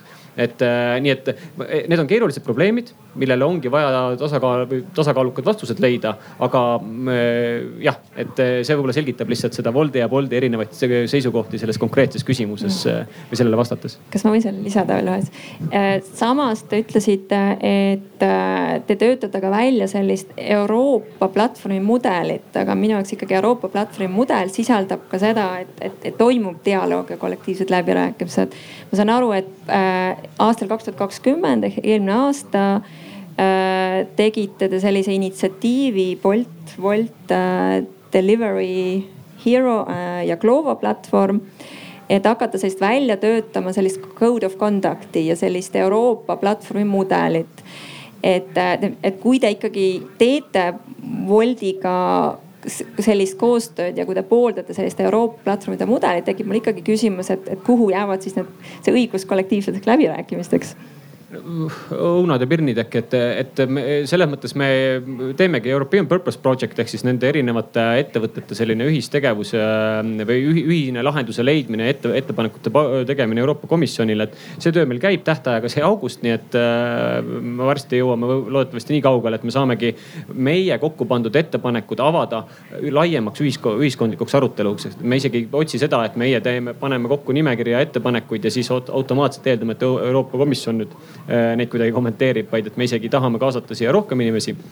aga ähm, seesama, äh, seesama äh, laiem ühiskondlik arutelu ei tähenda automaatselt ametiühingut, mitte kuidagi.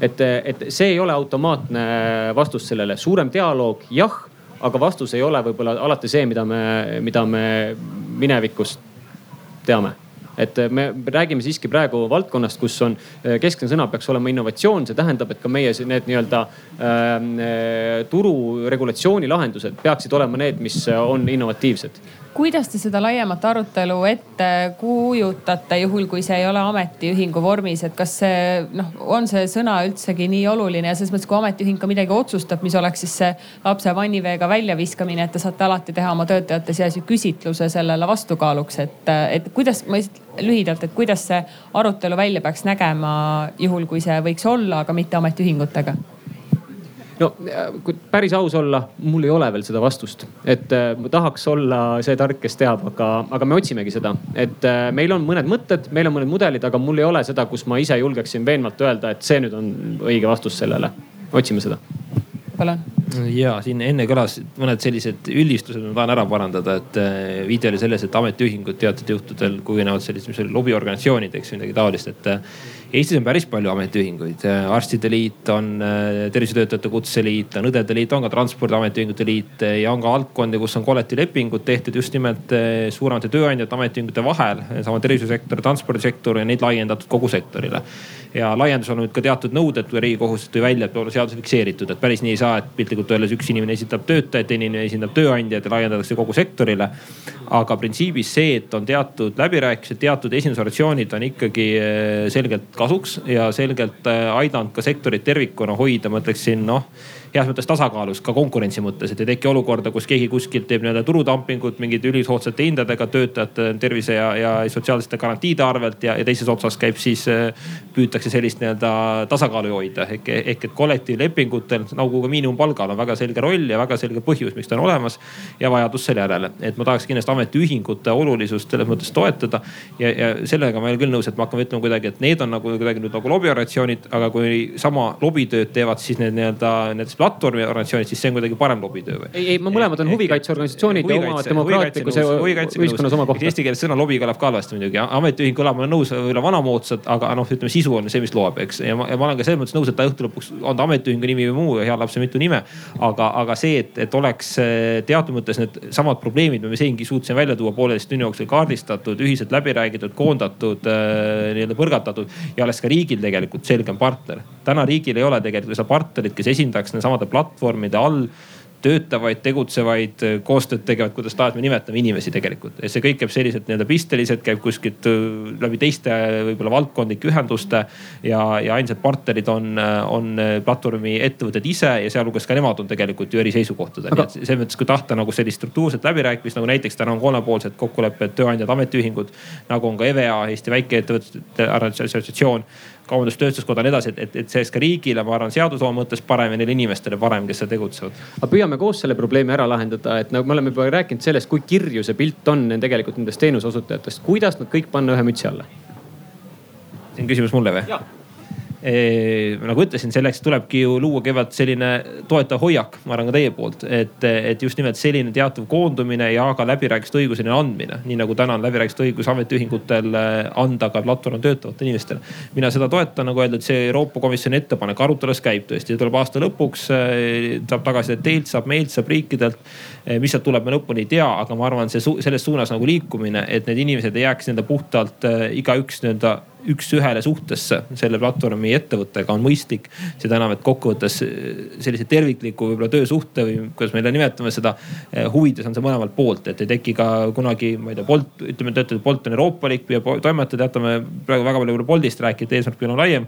aga mis tahes eh, valdkonnas võib tulla ju siis selline kurjem ja halvem Bolti variant, kes, kes ei hooli töötajatest või nendest inimestest, kes püüab kõiki võimalikke selliseid, on ta siis maksu optimeerimise muid lahendusi ära kasutada selleks, et tulla turul pakkuda näiteks soodsama hinnaga teenust. no ma toon hüpoteetse näite, on ta, on ta teie sektoris, mujal sektoris, et teatud mängureeglites kokkuleppimine, ühine arusaam aitab ikkagi hoida seda eh, ka päriselt nüüd euroopalikumana, säilitades seda paindlikkust, aga pakkudes ka turvalisust me oleme jõudmas mõnes mõttes sellisesse kohta, kuhu iga Arvamusfestivali arutelu vähemalt tunni aja möödudes jõuab ja see on see, et suuremat dialoogi on vaja. ja see on selline läbiv, läbiv iseloomuomadus kõikidel nendel teemadel enamasti. ja täna siia Paidesse sõites, mul oli au sõita siia koos kahe endise riigisektori töötajaga, kes võrdles Arvamusfestivali sellise noh, võib-olla natukene anekdootlikult, aga, aga et iga koosolek või iga arutelu saab läbi, kõik on nõus, et midagi on vaja teha. ja siis, kui küsitakse, et jagame need ülesanded ära, siis öeldakse, et me paneme meili pärast, et järgmine koosolek tuleb peale. Et, et ma teeksin ettepaneku, nii palju kui see vähegi siin spontaanselt on võimalik, et kuidasmoodi see tööjaotus siis võib, võiks olla, et kui Tanel Kiik tõi välja, et, et toetav hoiak platvormide poolt oleks vajalik, ma arvan, et ükski platvormi vahendusel töötav inimene seda kahtluse alla ei sea siis, siis mis need, mis need nagu reaalsed sammud võiks olla, et kes siis mida teeb niimoodi, et ühel hetkel oleks võimalik natukene rohkem teineteisele lähemale tulla nii riigitöötajate kui ka nende tehnoloogiaplatvormide poolt. et ka päriselt mingisugune diskussioon toimuks niimoodi, et, et me ei elaks nagu sellises pidevas nagu kaevikus, et, et ärge liiga lähedale tulge, sest meil on omad huvid ja meil on omad huvid kes, kes viskab selle esimese kivi ja ütleb, et, et vot, et noh, me võiks seda teha? no teeme koosoleku, arutame, paneme selles mõttes, et ühised eesmärgid. kõigepealt peame aru saama, et kas meil on olemas üks koht, kuhu me kõik tahame jõuda. võib-olla meil on kõigil erinevad eesmärgid, siis me ei saagi jõuda koos samasse kohta, eks. Et... no vähemalt sõnades on need ühised eesmärgid ikkagi kõigi heaolu, sealjuures suurem töötajate heaolu või siis partnerite heaolu, eks ole et, et mis võiks olla see esimene samm, mida Bolt saaks teha selleks, et inimesed, kes töötavad teie äpi vahendusel, äh, saaksid oma sõna maksma panna? no järgmine nädal on sihuke lühike juba täis, kahekümne neljandal augustil näiteks mul peaks kalendris ruumi olema, et äh, saame kokku, arutame, et võtame teadusliku vaate juurde, vaatame numbreid, analüüsime seda olukorda ja, ja mõtleme, kuhu me riigina üldse võiksime minna, kõik osapooled, kes siin riigi sees meil on kui palju näiteks tänasel päeval ütleme väliseestlasest äh, autojuht saab mingisugust äh, tagasisidet üldse anda, et nendest intervjuudest kolme, kolme Bolti ja Wolti juhiga tuli, tuli välja seda, et väga nagu sellist ettepanekute tegemise kohta ei ole, et sellist kooskäimise kohta ei ole, tagasisidestamise kohta ei ole, et kui noh, ma, ma lihtsalt kujutan ette, et need inimesed tegelikult, keda see arutelu kõige rohkem puudutab, täna siin äh, meiega ei ole siis, äh, siis, siis mis on see samm, mida te saate teha niimoodi, et nad tunneks, et neid on kõnetatud? Ma praegu päris täpselt, eks ei oska kõigi platvormide eest rääkida, et äh, täpselt ei tea, mis äh,, mis see hetkekirjeldus on, et meil on äh, laias laastus on kolm kohta, kus on toimub siis dialoog äh,. kui me räägime nüüd sõidujagamisest, siis juhi ja Bolti vahel, et üks on siis nii-öelda onboard imisel, et äh, siis toimub suhtlus arutatakse kõikvõimalikud asjad läbi, siis on kliendi siis selline klienditeeninduse keskkond on ju, kus vastatakse sulle selles keeles, milles sa küsid, eks. Äh, nii et selles mõttes ei toimu mingisugust, ma ei tea, mis piiramist, äh, et, et inimestel on kuidagi ligipääsu küsimus on ju, et vastatakse selles keeles, milles küsid. Ja, ja siis kolmas on meil on nii-öelda see kvaliteedi tagamise osakond, eks ju, mis on see, et kus siis sõitjate poolt tuleb tagasiside või ka vastupidi, juhtide poolt sõitjatele tagasiside, siis vaadatakse sisse sinna, et ahah, siin oli mingisugune probleem on ju või mingisugune erakordne kiitus, eks, et siis mida saab teha või paremini tulevikus no Boris, lühidalt, mis, mis oleks üks selline ettepanek, mida, mida teie sooviks teha? Kõik iseendale peab vastama küsimusele, kelle jaoks, kelle huvides ta töötab. kõik. lihtsalt nii, et äh, Bolt kunagi ei taha töötada oma töötajate huvides, ta tahab enda oma huvides töötada. sa teed liiga meile praegu. ja, ja ja lihtsalt äh, vot te räägite sellest, et, äh, et teil toimub, toimub see vestlus, aga ütleme, ma olen proovinud ka teie, teie peale töötama Bolt Foodis, jah. Kui ma hakkasin vastata küsimustele, kuidas maksud maksta Telegram kanalis, ma olen blokitud kõikidest kanalidest. mul tudengid kirjutasid, helistasid, äh, kuidas ma saan siis maksta, kui ma ei saa seda ettevõtluskontot teha, sellepärast ma töötan ainult kaks-kolm tundi ja kui ma maksan seda ka ära, siis mul mitte midagi ei jää. vot selle küsimuste peale ma hakkasin vastama ja selle eest ma olin äh, bloki pandud. Inglisekeelses ja eestikeelses chatis. vot see on, mida see näitab et äh, noh, see inimene, kes hakkab äh, seadusest rääkima, et te peate maksma, kõik seal chat idest räägivad sellest, et kuhu ma võin raha välja võtta, et mitte maksta maksud et te, see toimub teie chat ides, teie, mitte ametlikus chat ides. vot, vot nii, ma ei tea, mis toimub teistes nagu chat ides, aga see, see näitab, et te ei ole hu huvitatud sellest, et kõik oli seaduse järgi. Te olite, te olete huvitatud sellest, et kõik töötas teie jaoks. Vot kui inimene küsib teie selle töögraafikust, ütleme töö ja puhkuse ajal, te tööte, toote näide kui väike ettevõte, te ei ole juba väike ettevõte see praegu kõlab nii nagu perekonnas laps ütleb, oi, ma ei saa te seda teha, aga kui see laps äh, kasvab sureks ja ta saanud isaks, siis ta peab rohkem vastutuse enda peale võtta. ja kui te saate praegu sureks, siis te peate rohkem vastata. Kui väikeettevõte, te ei ole väikeettevõte ja sellepärast peab olema suurem vastutus, mitte nii, et te toote näide, kui kuskil keegi töötab enda oma FIE-s, see, kuidas seda võiks üldse öelda? Boriss, ma olen sinuga täiesti sada protsenti nõus, me oleme suur ettevõte, me ei ole enam väike startup, me peame rohkem vastutama vot nii, et eh, lihtsalt kui te vastate küsimusele, siis see näide nagu ei saa olla, et seal mingi väikeettevõte, te ei ole väikeettevõte. vot, vot see on üks samm juba teineteisele lähemale. võtame siit äh, võib-olla lõpetuseks veel ettepanekud Kairelt ja Tanelilt ka äh, minule meeldib väga see Saksamaa näide ja minu arust äh, meie võiks ka alustada sihukese väikse sammuga, et meil võiks olla Eestis selline ombudsman platvormi töötajatele. ma ei oska seda välja pakkuda, et kes seda peaks tegema Äh, Saksamaal istusid äh, mõned platvormid, platvormi töötajad IG Metall äh, ametiühingu vahendusel ühe laua äärde. Veetsid mitu päeva koos, tegid kreatiivseid workshop'e, seminare ja töötasid välja need asjad, mis neile tähtsad on ja, ja selle arutelu tulemusena loodi ombudsmani koht. ja, ja see on selline koht, kuhu saavad nii minna nii platvormid kui platvormi töötajad oma muredega ja need registreeritakse sealt ja siis vaadatakse edasi. ja minu arust sihuke väike ja nihuke tore samm võiks olla juba selline ombudsmani koha loomine. Jah, vahendaja aitaks võib-olla mingit emotsiooni ja pinget tõesti maandada seal vahepeal jah, absoluutselt, et võib-olla muidu peame iga aasta siinsaama kokku ja arutama, et. aga arvestades, kui keeruline on praegu ka presidenti valida, siis selle ombudsmaniga jääb ka võib-olla pikale. ei no, tea, selles mõttes, et ähm, noh, meil on jah riiklik lepitaja olemas just tegelikult äh, töösuhtevaidluste lahendamiseks ja meil on soolise võrdõiguslikkuse võrdsete võimaluste volinik. Äh, noh, tema valdkonda minevate küsimuste jaoks ähm, on olemas ka muid selliseid, noh, tööinspektsioon, kes teeb ähm, järelevalvet aga eraldi platvormidele suunitletud sellist ametikohta, see on täitsa tõsine mõte minu meelest, täitsa tõsine mõte, et praegu on mul tööal asekantsler, kes, kes oma, oma meeskonnaga ja teised tublid sotsiaalministeeriumi inimesed eh, püüavad äh, nii-öelda rööprähelda, nagu Eestis kombeks on, aga, aga, aga selle, selle idee võtame küll kaasa siit. ma ei ütle, et me kindlasti ära teeme, aga, aga, aga, aga vähemalt mõtleme läbi plussid-miinused ja, ja miks mitte kuulame tagasisidet sektorilt. mis on veel, mida riik teeb, et üks asi nagu viitasin, et see, kui Euroopast tuleb mingi ettepanek, see ei tähenda, et see mingi abstraktne Euroopa kuskil kaugele tähendab, et me osaleme seal debatis, mis puudutab just seda üleüldist äh, raamistikku, mis ma arvan on mõistlik, kui me räägime nii suurtest ettevõtetest, mis tegutsevad üle riigipiiride. et me ei hakkaks nende rolli mängima, et, et sama inimene, kes teeb sama teenust, pakub ühel pool ja teisel pool piiri, tegutseb täiesti erinevate võib-olla õiguslike põhimõtete alusel ja kui ta riigi piiri ületab, siis ma ei teagi, kumma riigi nõuded peaks kehtima ja, ja, ja teine asi, mis on töös ja tulnud, on üks direktiiv, mis puudutab ka maksuandmeid ehk et tegelikult kohustus need maksuandmed esitada peaks tulema ka Eesti riigiseadustesse sisse, kui võtab Euroopa Liidu vastav direktiiv üle, mis annab ka parema pildi sellest, et, et milliseid makse, mis määral on siis tegelikult äh, tasunud nii need platvormi ettevõtted kui ettevõtete all siis tegutsevad inimesed, on nad siis mis tahes ettevõtlusvormiga.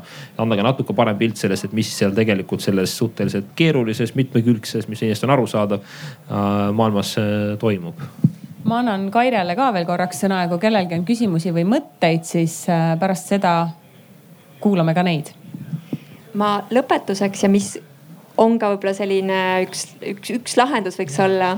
ma teen reklaami äh, ühel paneelile, mis hakkab nüüd kell neli äh,. raha räägib alal äh,, see on, kui siit hakata välja minema, viimane ala paremat kätt, kus me räägime koos Tallinna, koostöös Tallinna Ülikooliga arutame platvormi töö alternatiivseid mudeleid. et, äh, et see ei pea olema tehtud ainult sellises ükssarviku vormis, seda saab ka teha teistmoodi äh, näiteks kooperatiivi vormides, ühistuvormides, teises ühisomandi vormides.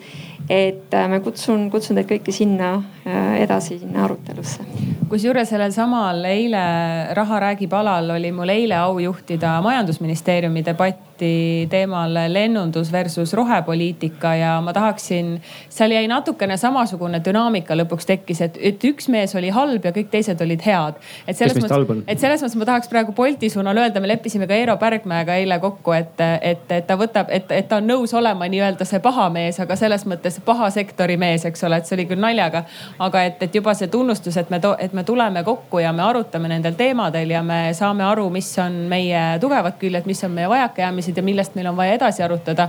et selles mõttes ma tahaks öelda suure tänu äh, kõigile, aga suure tänu ka Boltile eraldi, sest et väga lihtne oleks olnud öelda, et äh, mul on targemat teha, kui siia Paidesse tulla ja suuremaid äh, rahasid vaja liigutada ja vaadata, kuidas me saaks rohkem riike üle võtta, kui see, et hakata rääkima, kuidasmoodi endale päitseid pähe panna aga, aga selline sotsiaalse vastutuse temaatika, ma arvan, on iga ettevõtte jaoks äh, iseäranis Euroopas tänasel päeval väga oluline. ma arvan, see, mis siit kõlama jääb, on kindlasti see ombudsmani idee, mis on väga hea idee, selle meili võiks siis laiali saata tuleval nädalal. ja kas on küsimusi kellelgi publikus? ja palun. kõigepealt suur-suur tänu, väga huvitav arutelu. kohe ja, läbi ka. ja teine, tahaks veel öelda seda, et äh, pole tõesti kliendina mitte kunagi mõelnud selle peale, et äh, kas see inimene üldse oskab sõita. aga see on äh, tõesti äh, noh, võib-olla jutt on käinud väga Bolti ümber, aga kõik platvormid, hea näide, et kui ma tellin endale arsti ma tõesti tahaks teada, et see arst ikkagi oskab midagi. et platvormi töö võiks tõesti olla reguleeritud ja noh, kliendina, ega ma ju ei taha ka halba. ma olen väga Bolti teenusega rahul. kiire, ma näen, kõik on läbipaistev, et ta on taksoteenust ju tegelikult edasi arendanud, tööd pakkunud. inimestel, kellel on vaja tööd teha, saavad tööd rohkem teha. aga keegi võiks valvata ka, et see inimene liiale ei lähe, igasugune liialdus on liiast. et äh, minu arvates väga-väga põnev ja, ja kui tekib ombudsman, siis äh, võiks ta ka kliente esindada sest klient ka ei taha halba ja me tõesti ei taha toetada midagi, mis tegelikult ei ole võib-olla hästi läbi mõeldud, aga hea idee igal juhul ja taksoteenus on igal juhul paranenud ja, ja sotsiaalne vastutus juba siia tulek näitab, et ollakse valmis vastutust võtma. aitäh. suur aitäh. kas keegi soovib veel midagi lisada? ja palun aitäh, tõesti on olnud huvitav jälgida, et ma ka natuke selle kliendi vaatest ütleks, et ühtepidi on regulatsioonid toredad, aga teisipidi jätame ikka selle paindlikkuse, et regulatsioonid ikkagi kehtivad keskmisele inimesele, kes kaalub seitsekümmend kilo ja kellel on üks silm sinine ja teine roheline, eks ole ja et me kõik jookseme tõenäoliselt sada meetrit erinevalt, meie töövõimed on erinevad ja ka see motivatsioon, miks inimesed seda äh, platvormi teenust kasutavad, on erinevad. kes seda teeb tõesti selleks, et mitte kukkuda absoluutsesse või, või suhtelisesse vaesusse vot see on hoopis teine teema, millega peaks tegelema. ja teine äh, on see, et tal on lihtsalt igav, ta tahab rohkem, ta tahab endale paremaid brändiriideid ja nii edasi, et, et Äh, et jätame ikkagi selle paindlikkuse ka sinna sisse, et kes on põhitööga ja kes teeb seda lihtsalt for fun või, või mis iganes see motivaator on, et ärme üle ka reguleeri. aitäh ja palun ja ma selles mõttes tahtsin öelda, et ega regulatsioon ja paindlikkus ei ole vastandsõnad. ehk eh, regulatsioon saab olla ka paindlik, aga nii nagu me kõik eeldame, et on ta autole kehtivad nõuded eh, kindlustusest kuni hoolduseni, juhile oma olemasolu, kui me räägime antud juhul siin kulleritest või, või nii-öelda, nii-öelda taksoteenusest või sarnastest teenustest. et need kõik peavad ju olema ja küsimus on tõesti selles, et mis siis on see nii-öelda garantii, et ka see töötaja seal autoroolis on nii endale kui teistele ohutu. et päris, päris nii me ei saa teha, et, et inimene ise otsustab. Eh, paratamatult inimene alati ei pruugi teha otsuseid otsuseid eh, sada protsenti vastutustundlikult, sada protsenti võib-olla riigi, ettevõtte ja kliendi huvidest lähtuvalt, vaid kui tal endal on noh, toome äärmusliku näite teadlikult, et ongi suures rahahädas, arusaadav ja tahab palju tööd teha, aga kui ta tegelikult ületab juba sellist mõistlikku piiri, mis lõpeb sellega, et äh, tuleb satub suuremasse sorti õnnetusse või, või mis tahes juhtumid kahjuks maailmast on kõigil, ma nüüd ei räägi kindlasti mitte ainult Boltist. et teatud regulatsioon peab olema, riik peabki lihtsalt seda jälgi hoidma, ma olen nõus, et üle ei tohi reguleerida, aga alareguleerimine võib ka ohtlik olla aga sellega võibki, ma arvan, meie arutelu platvormitöö ja tööampsude teemal siin täna lõppenuks lugeda ja suur aitäh kõigile, kes kuulasid, suur aitäh veel kord kõigile, kes osalesid. ja kui mitte varem, siis äh, ma ei tea öelda järgmisel aastal, järgmises edasinumbris oleme juba kindlasti, ma ei tea, kas sellel teemal, aga kindlasti mingil teisel teemal äh, targemad, nii et aitäh veel kord. ja aitäh ajakirja Edasi poolt ka ja siis osalistele anname edasi koti koos viimase numbriga ja keda huvitab ajakiri, siis lähedal kõrvalboksis saab uurida ajakirja, aitäh.